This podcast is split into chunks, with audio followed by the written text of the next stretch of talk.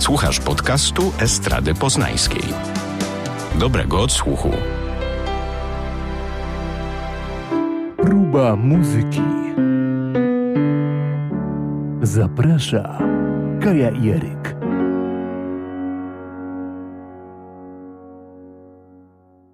No to oczko stuknęło, próba muzyki po raz 21.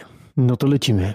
Temat, który w sumie zawsze chciałam dotknąć, powiem szczerze. To bo, dotykajmy. Bo dla mnie to jest właśnie fenomen. Ten temat, który dzisiaj podejmujemy, to jest dowód na to, jak bardzo dużo zależy od y, aranżacji i od y, tego, jaki się ma głos, jakie jest instrumentarium wykorzystane, jak jest prowadzona dana piosenka. A coś więcej dla słuchaczy, którzy nie e, dotrwali do końca naszego poprzedniego odcinka. Z czym będziemy się dziś mierzyć? To tak jak właśnie w tytule piosenki, które nie do końca są e, znane z ich oryginalnych oryginalnych wykonań, czyli covery po prostu. A zyskały nierzadko większą sławę aniżeli oryginały. Tak i właściwie to są, e, dzisiaj weźmiemy na warsztat takie piosenki, które e, nawet jeżeli się wpisze w wyszukiwarkę tytuł e, tej piosenki, to zawsze jako pierwszy pokazuje się, że jest to piosenka tego wykonawcy, który zdobył z nią sukces. I tak na pierwszy rzut może weźmiemy Nothing Compares to You. No hit nad hity. Hit nad hity to był 90 rok dokładnie, początek 1990 90 roku i nagle objawiła się całemu światu doskonała artystka, doskonała piosenkarka e, z Irlandii. O niezwykłej wrażliwości. I ona wykonała utwór, który wszyscy myśleli, że jest jej. I do dzisiaj jest tak, że jak się wpisuje Nothing Compares to You, no to, to się pojawia Sinead O'Connor. No trzeba przyznać, że zespoliła się swym głosem i właśnie wspomnianą wrażliwością tak z tym utworem, że dałbym sobie rękę uciąć, że to jej utwór. Tak. Zresztą Zresztą w ogóle do tego utworu był doskonały teledysk y, nagrany, taki teledysk, y, który wcześniej, jakoś tak, no wcześniej nie były tego typu teledyski nagrywane.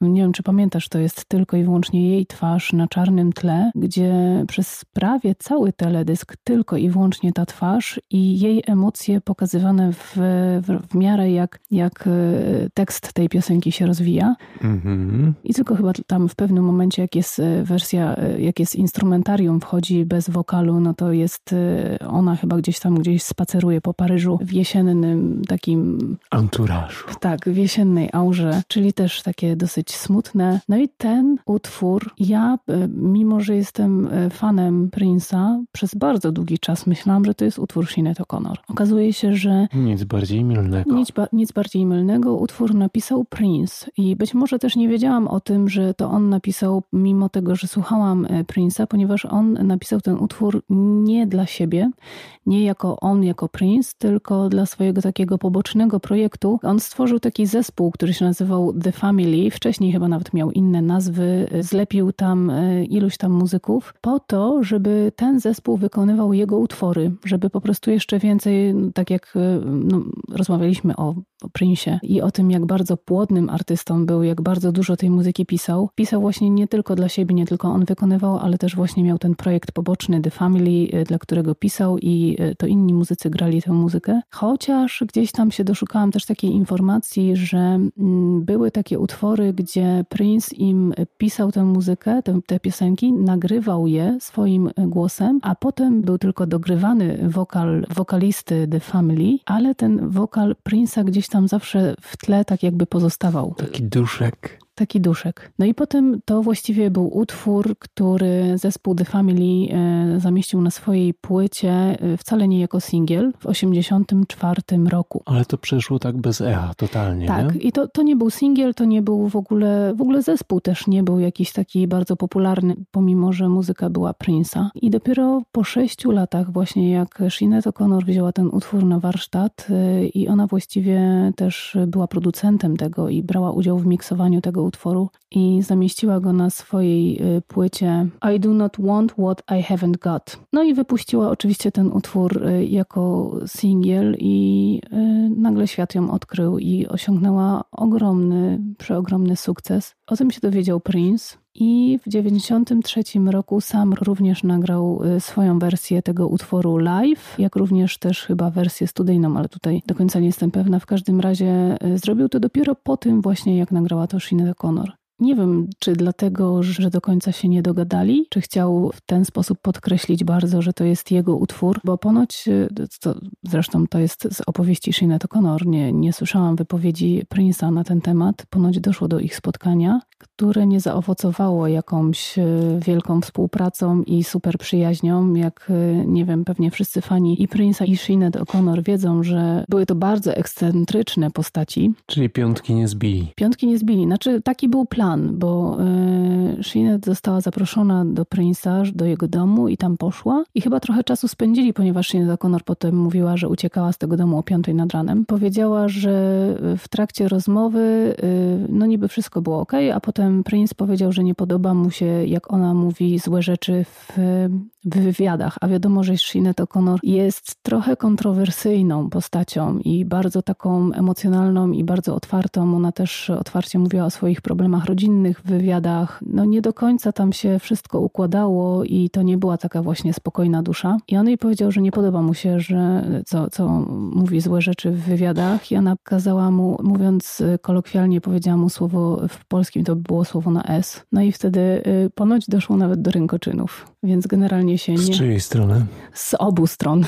No to gorąco, gorąco było. Ale to, no, no, nie wiem, no ponoć to jest, to jest jej opowieść, to jest tylko z jej strony, nie wiadomo jak to wyglądało, być może Prince by to widział jakoś inaczej, ale nie dokopałam się do, do akurat do wypowiedzi jego na ten temat. W każdym razie na pewno w 93 roku, trzy lata po sukcesie Sinead O'Connor nagrał sam swoją wersję, no i jego wersja mimo wszystko, że to jego utwór nie przebiła sukcesu wersji Sinead O'Connor. Ale muszę przyznać, że jest jeszcze jedna osoba, która bardzo fajnie e, potraktowała ten utwór, i to jest y, zupełny przypadek, bo, bo bym się nie spodziewała, że, że, że ktoś z tego rodzaju muzycznego może tak fajnie to zrobić. I to był Chris Cornell. Zupełnie takim swoim balladowym, ale rockowym stylu i też, też okej, okay, no bo to piękny utwór. No, Prince wykrzesał kompozycyjnie, no ale było, nie było, to na tyle pasuje i na tyle jest e, stopliwe z głosem Sinead O'Connor, e, jej osobowością i nią całą muzycznie, że no, no nie, nie, nie przebije tego nawet autor tej piosenki. Dokładnie. Natomiast inną piosenką jest, jest jedna piosenka, której no, nie moglibyśmy pominąć tutaj w tym zestawieniu, pomimo tego, że e, zespół, który jest odpowiedzialny za kompozycję tego utworu, jest jeszcze bardziej znany niż Prince. Jest to zespół The Beatles. Wiadomo, że, że ten zespół był coverowany bardzo, bardzo często i przez wielu, wielu artystów, ale chyba najlepszy cover, jaki kiedykolwiek powstał ich piosenki, to jest With a Little Help from My Friends w wykonaniu Joe Cockera. To jest właśnie taka śmieszna historia tej piosenki piosenki, ponieważ y, wydawałoby się, że John Lennon i Paul McCartney napisali tę piosenkę dla Ringo Starra, który rzeczywiście wykonywał ją i na płycie, na tej y, właśnie słynnej ich płycie y, z sierżantem Pepperem i wykonywał ją na koncertach. I rzeczywiście tam jest tekst, co byście zrobił, gdybym śpiewał poza tonacją, czy byście wyszli i, i zostawili mnie tutaj, bo rzeczywiście Ringo Starr nie śpiewał. Znaczy nie, no, no to nie jest tak, że on nie potrafił śpiewać, ale no nie był wokalistą y, w, w tym zespole i y, to nie on był liderem tego zespołu. Nie wszystko wyciągał. Tak, i to no, śpiewali tam y, John Lennon i Paul McCartney. To były pierwsze głosy. Tak, a tę piosenkę akurat y, zaśpiewał Ringo Starr. Sami Paul McCartney i John Lennon, wypowiadając się na temat tej piosenki, nie potrafili określić, kto tak naprawdę w pełni jest autorem tej piosenki, czy John, czy Paul. Gdzieś tam pomysły wychodziły z obu stron i, i właśnie to było y, i tekst taki właśnie dla Ringo i Ringo to śpiewał. No i potem rok później, w 1967 roku y, został ten utwór wydany w czerwcu, a tak naprawdę był napisany w marcu. I, i ponoć w marcu, jak weszli do studia, nagrali kilka wersji tego utworu i, i bardzo szybko go dołączyli do płyty i wydali. Natomiast rok później y, nagrał ten utwór Joe Cocker. I tutaj y, trzeba przyznać, że nie tylko Joe Cocker jest odpowiedzialny za tę aranżację, która była totalnie inna, zupełnie jakby to był zupełnie inny nowy utwór. Bardzo zwolniona ta aranżacja i, i, i, zupełnie potraktowana w taki bardziej e, rockowy sposób. E, no ale tam był też Jimmy Page na gitarze i BJ Wilson, czyli perkusista Procol Harum. I tutaj była akurat taka sytuacja, że jak Paul McCartney usłyszał wersję Joe Cockera, to się nią absolutnie zachwycił i stwierdził, że on sobie nigdy w życiu by nie wyobrażał, że utwór, który on napisał, mógłby być tak zaaranżowany, tak zagrany. E, I potem e, Joe Cocker wykonał ten utwór na festiwalu Woodstock i tak jakby ta aranżacja i to wykonanie stało się hymnem tego festiwalu. Przeszło do historii. Dokładnie i dlatego do dzisiaj,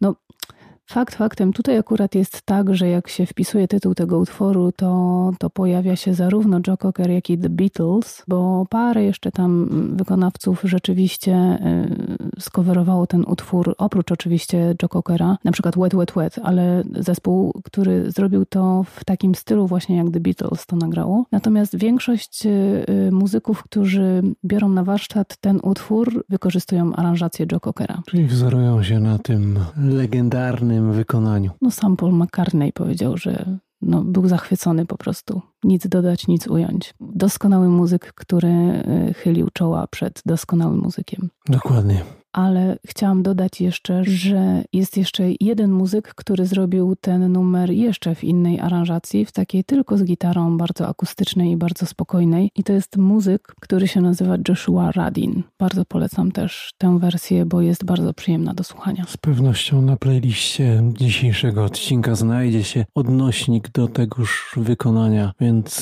spokojnie zajrzyjcie i nacieszcie uszy. Mam jeszcze jedną taką ciekawostkę, którą też przez, sama przez całe życie myślałam, że to jest y, utwór Arety Franklin, ponieważ też ona z tym utworem najbardziej wypłynęła. Właściwie ona jest tak stopiona z tym utworem, że jak się mówi Areta Franklin, to pierwsze co przychodzi na myśl? To respect. Respect, a to nie jest jej utwór też. I tu też byłam w szoku. To nie jest ani jej piosenka, ani... Kopara w dół.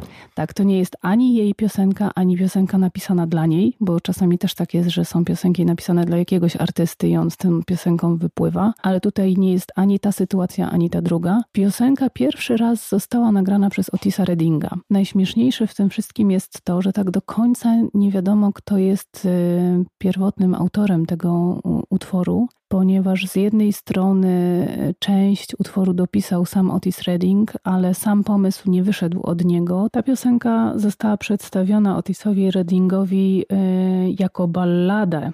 Taki bardzo, bardzo wolny utwór e, przez Speedo Simsa który chciał e, nagrać ją ze swoim zespołem e, The Singing Demons. Nie, nie do końca wiadomo, kto nagrał oryginalną wersję tej piosenki. Band tego zespołu e, The Singing Demons, Percy Welsh, stwierdził, że ją napisał gitarzysta tego zespołu Bobby Smith, ale to była zupełnie inna wersja tej piosenki, to była ballada. Otis Redding wziął tę wersję od Simsa, bo on mu ją przyniósł, jako pokazał mu tę piosenkę i ją kompletnie zupełnie inaczej zrobił zrobił tak, jakby ją dopisał, doaranżował. W każdym razie na pewno gdzieś tam maczał swoje palce w tej piosence. Wywrócił do góry nogami. Tak, i Aretha Franklin nagrała tę piosenkę też w takim bardziej właśnie żywym tempie, y, w, bardziej w takiej funkowo-soulowej wersji, ale to też jest inna piosenka, ponieważ tutaj, jeżeli chodzi o warstwę y, słowną tego numeru,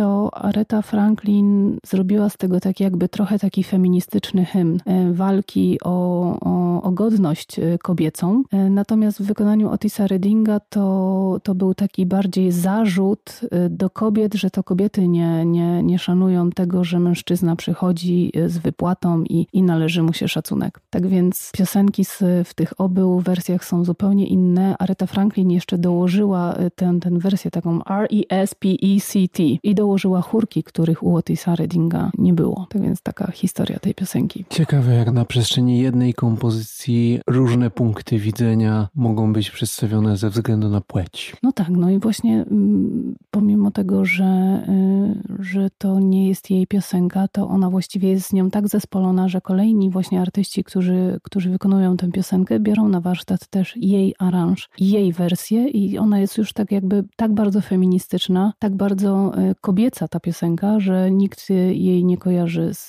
z wykonaniem Otisa Reddinga. Kilka lat później w wykonaniu live tę piosenkę zaśpiewała Diana Ross i zespół The Temptations i też oczywiście wzięli wersję Arethy Franklin. Tak myślałam o tym, żeby też y, już, y, nie wiem, czy teraz może bardziej pozostaniemy w tamtych latach, czy może coś bardziej współczesnego. Dawaj, co masz. No mam jeszcze trzy piosenki. Jedna z nich to też jest taka bardzo ciekawa opowieść i może o niej teraz. Piosenka Killing Me Softly. Hit nad hity. Hity nad hity. A tobie z czym się kojarzy jako pierwsze skojarzenie? Kto tę piosenkę wykonywał? Z latami 90. i The Fugees. Tak, i przepiękny wokal Lauryn Hill, mm, która to zaśpiewała i taka jest ta wersja bardziej, no, no, bardziej hip-hopowa, można tak to nazwać. Ale rzeczywiście jest to hymn lat 90. i wszyscy, którzy kojarzą muzykę z lat 90., to od razu jak słyszą Killing Me Softly, to, to właśnie widzą Lauryn Hill i, i ten wykon. Natomiast y, największą popularność ta piosenka zdobyła wykonaniem Roberty Flack w latach 70.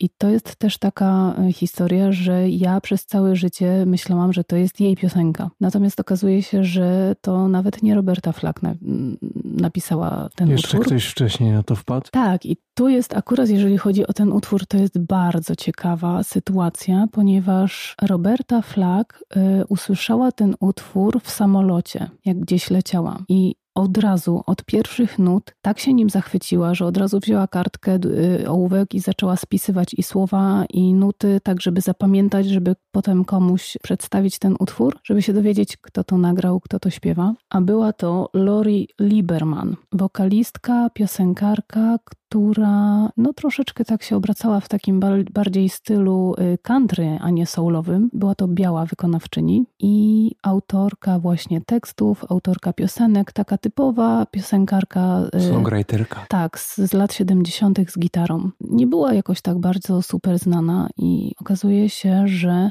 Roberta Flack w momencie, kiedy się zachwyciła tą piosenką, postanowiła ją nagrać, zrobiła to i odniosła ogromny sukces. Zdobyła nagrodę Grammy za tę piosenkę i w tym samym roku słyszałam taką wypowiedź e, Lori Lieberman na temat tego, że z jednej strony, jak się dowiedziała o tym, bardzo się ucieszyła, bo, bo fajnie w momencie, kiedy Twoja kompozycja jest tak doceniona, ale z drugiej strony troszeczkę zazdrościła, że, że, to, że to ktoś inny zdobył tę nagrodę przy pomocy jej utworu, ale jakoś tak nie czuła, e, aż tak nie czuła żalu do, do Roberty Flack, że, że, że odniosła sukces z, tą, z tym numerem, aczkolwiek y, zaprzestała swojej kariery muzycznej. Bardziej być może dlatego, że opowiadała też taką sytuację, że została zaproszona do jakiejś tam wytwórni i szef tej wytwórni y, pokazał, rozmawiając przez telefon, pokazał jej palec do góry, że ma siedzieć i czekać i że ma usiąść i siedzieć i czekać, aż on skończy rozmowę. I Lori powiedziała, że tak siedziała, Spojrzała na zegarek, że siedzi już pięć minut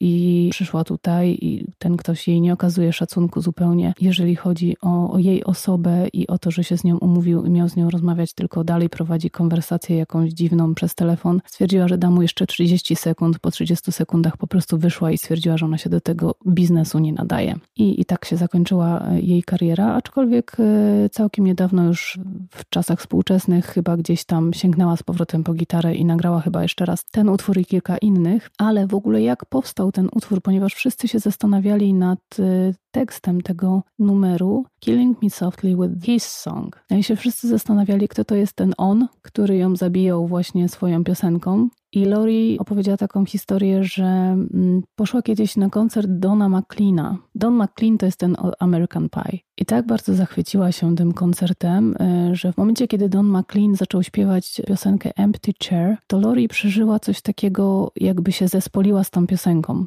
stwierdziła, że ta piosenka to jest jej życie i wtedy wpadła na pomysł napisania Killing Me Softly. Killing Me Softly oczywiście to jest zupełnie inna piosenka niż Empty Chair, ale właśnie ona, ta piosenka Empty Chair Dona McLeana stała się inspiracją. Była tą piosenką, która spowodowała, że ona napisała Killing Me Softly. Tak więc wydaje mi się, że to jest bardzo, bardzo ciekawa historia tego numeru, tego wielkiego hitu, który no, największą sławę zdobył dzięki Robercie Flack i zespołu Fugees. I jakie smaczki jeszcze mamy na tapecie? Jest jeszcze jeden y, numer, który zawsze, znaczy wiedziałam, że autorem tego numeru jest Bart Bacharach, ale nie wiedziałam, że został on napisany dla zespołu The Carpenters. Czyli? Czyli Close to You. No i ostatnio się za to Jacob Collier wziął, nie? Dokładnie, czy no tak nie ostatnio, to już było chyba z 5 lat temu. No okej, okay. no, w może niedalekiej przyszłości. Może przesadziłam, że 5, ale no jakiś czas temu też nagrał ten y, doskonałą wersję tego utworu, no ale nie jego wersja zdobyła taką popularność, tylko właśnie wersja The Carpenters y, jest chyba najbardziej znana. Natomiast pierwszą osobą, która zaśpiewała ten numer i wydała y, go y, na singlu w 63 roku był Richard Chamberlain który zupełnie inaczej to zaśpiewał też. Aktor? Tak, właśnie ten aktor. Tylko z tego co pamiętam, to on taką wersję bardziej ala Frank Sinatra. Tak, a może nawet jeszcze, jeszcze bardziej niż Frank Sinatra, w sensie jeszcze starsze, starsze taki podejście.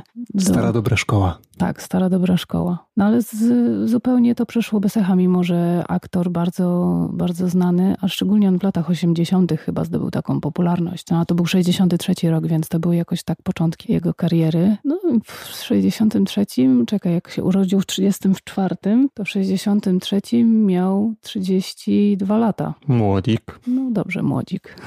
I to jest też właśnie taka też fajna historia tego, tego numeru, ale oczywiście no niezapomniane i przecudowne wykonanie zespołu The Carpenters. To jest jednak y, hit hitów. A co z Gangsta Paradise? I numer, który utkwił w głowie e, większości e, właśnie z lat 90.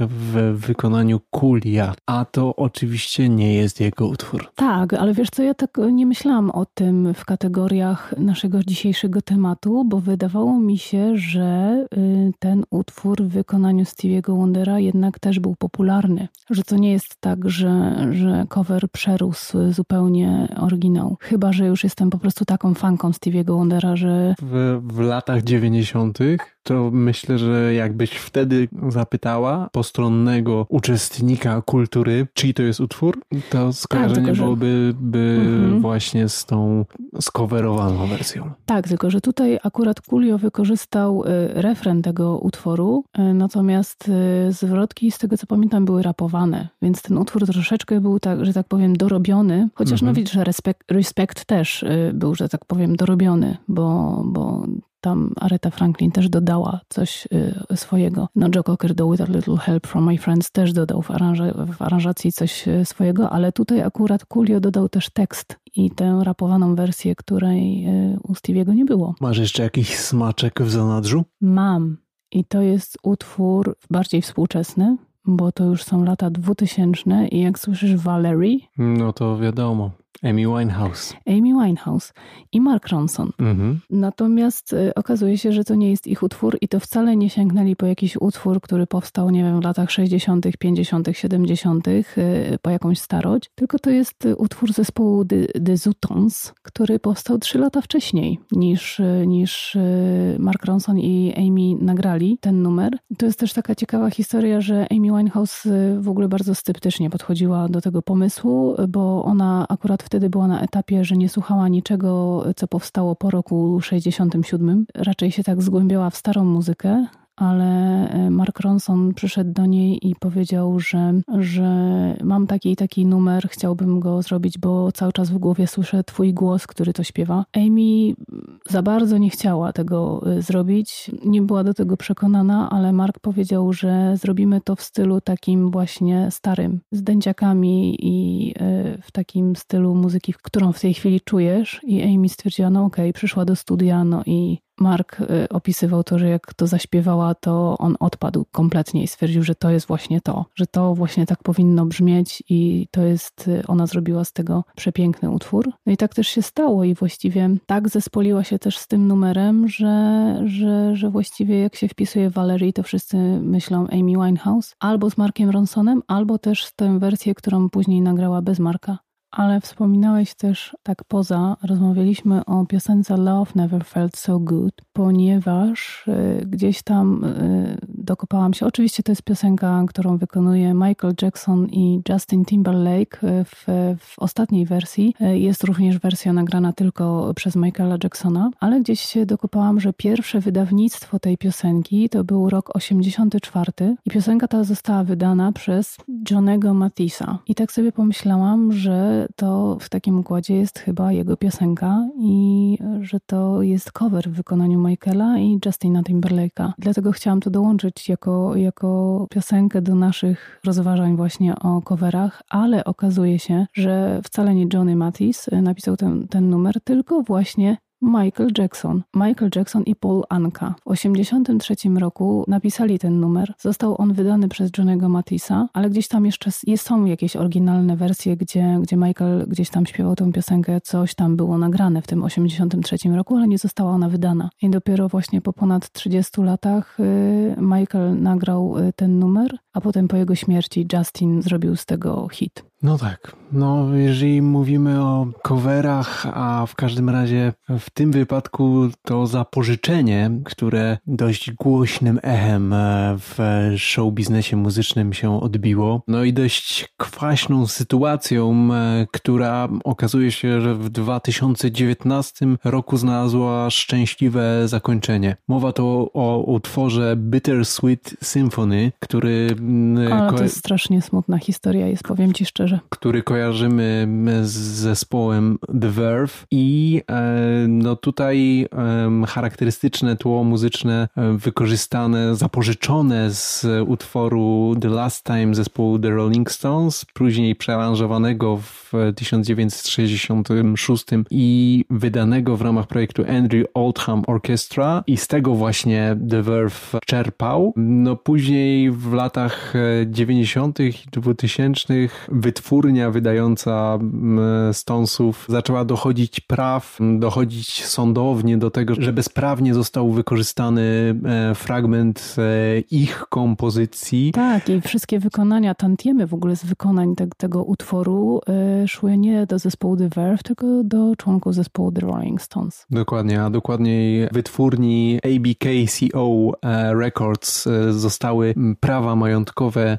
do tego utworu e, nakazem sądowym przekazane, ale e, właśnie tak jak powiedziałem, ta historia ma szczęśliwy koniec, e, szczęśliwy finał niedawny, bo w 2019 roku Mick Jagger i Keith Richard zdecydowali się wyłączyć swoje nazwiska z praw do piosenki, przekazując całość praw do utworu na rzecz zespołu The Verve. Tak więc o, proszę, pozytywnie.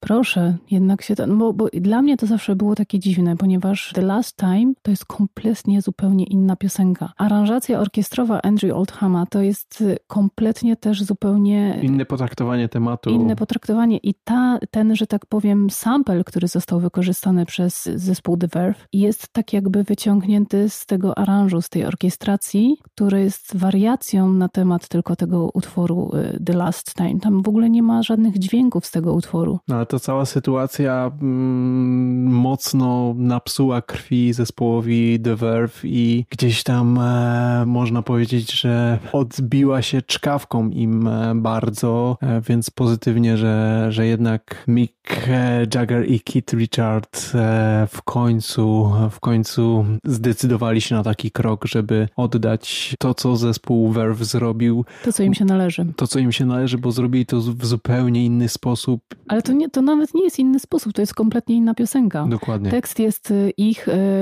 cała melodia jest ich, tam jest wykorzystany tylko sample z tego, a przecież z tego utworu, z tej aranżacji właściwie, a nawet nie z tego utworu. I teraz ile przecież w hip-hopie jest sampli? Zapożyczeń, zapożyczeń. Zapożyczeń. Ile jest takich numerów, które są oparte na dokładnie tych samych funkcjach. Nawet, nawet w necie można znaleźć takich artystów, którzy grając cztery akordy cały czas te same, śpiewają różne piosenki. I to jest ta sytuacja. No, oczywiście, że oni wykorzystali te smyczki, prawdopodobnie dokładnie te same, ewentualnie tylko je tam troszeczkę obniżyli dźwięk bądź podwyższyli, już nie pamiętam w którą stronę to poszło, ale to były dokładnie, to było dokładnie ten sample, ta melodia, ale przecież... Ale to był sample. Tak, ale w muzyce hip-hopowej jest też mnóstwo sampli z, z, z muzyki z lat 60., właśnie 70. I, I chyba nie ma zawsze takiej sytuacji. No tutaj niestety. Tu na noże poszło. Tak, bo, bo to jednak było wykorzystanie muzyki, która należała do naprawdę największych tuzów, jeżeli chodzi o branżę muzyczną. I wiesz co, tak się zastanawiam, czasami to jest y, wcale nie wola samych muzyków, ale też y, wytwórni. Wytwórni, tak. No nie wiadomo jak tam Koniec końców dobrze, że tak to się skończyło. Dokładnie. Nie wiadomo dokładnie jak to tam było, ale dobrze, że jest jak jest. A propos docierania do brzegu. No, no to właściwie, właściwie tyle. Właściwie tyle. Na pewno jest jeszcze mnóstwo innych piosenek, ale tak y, dla mnie, tak jak zawsze myślałam sobie, te, które wspomnieliśmy dzisiaj, to są takie chyba najważniejsze. Te, które się stopiły bardziej z drugim wykonawcą niż z autorem. I z pewnością najbardziej zaskakujące. Tak. Pozostaje nam odesłać Was do playlisty dzisiejszego odcinka. Porównajcie sobie sami. Dokładnie. Dziękujemy i do usłyszenia. Pa. Producentem podcastu jest Estrada Poznańska. Więcej na estrada.poznan.pl Próba muzyki. Zaprasza Kaja Jeryk.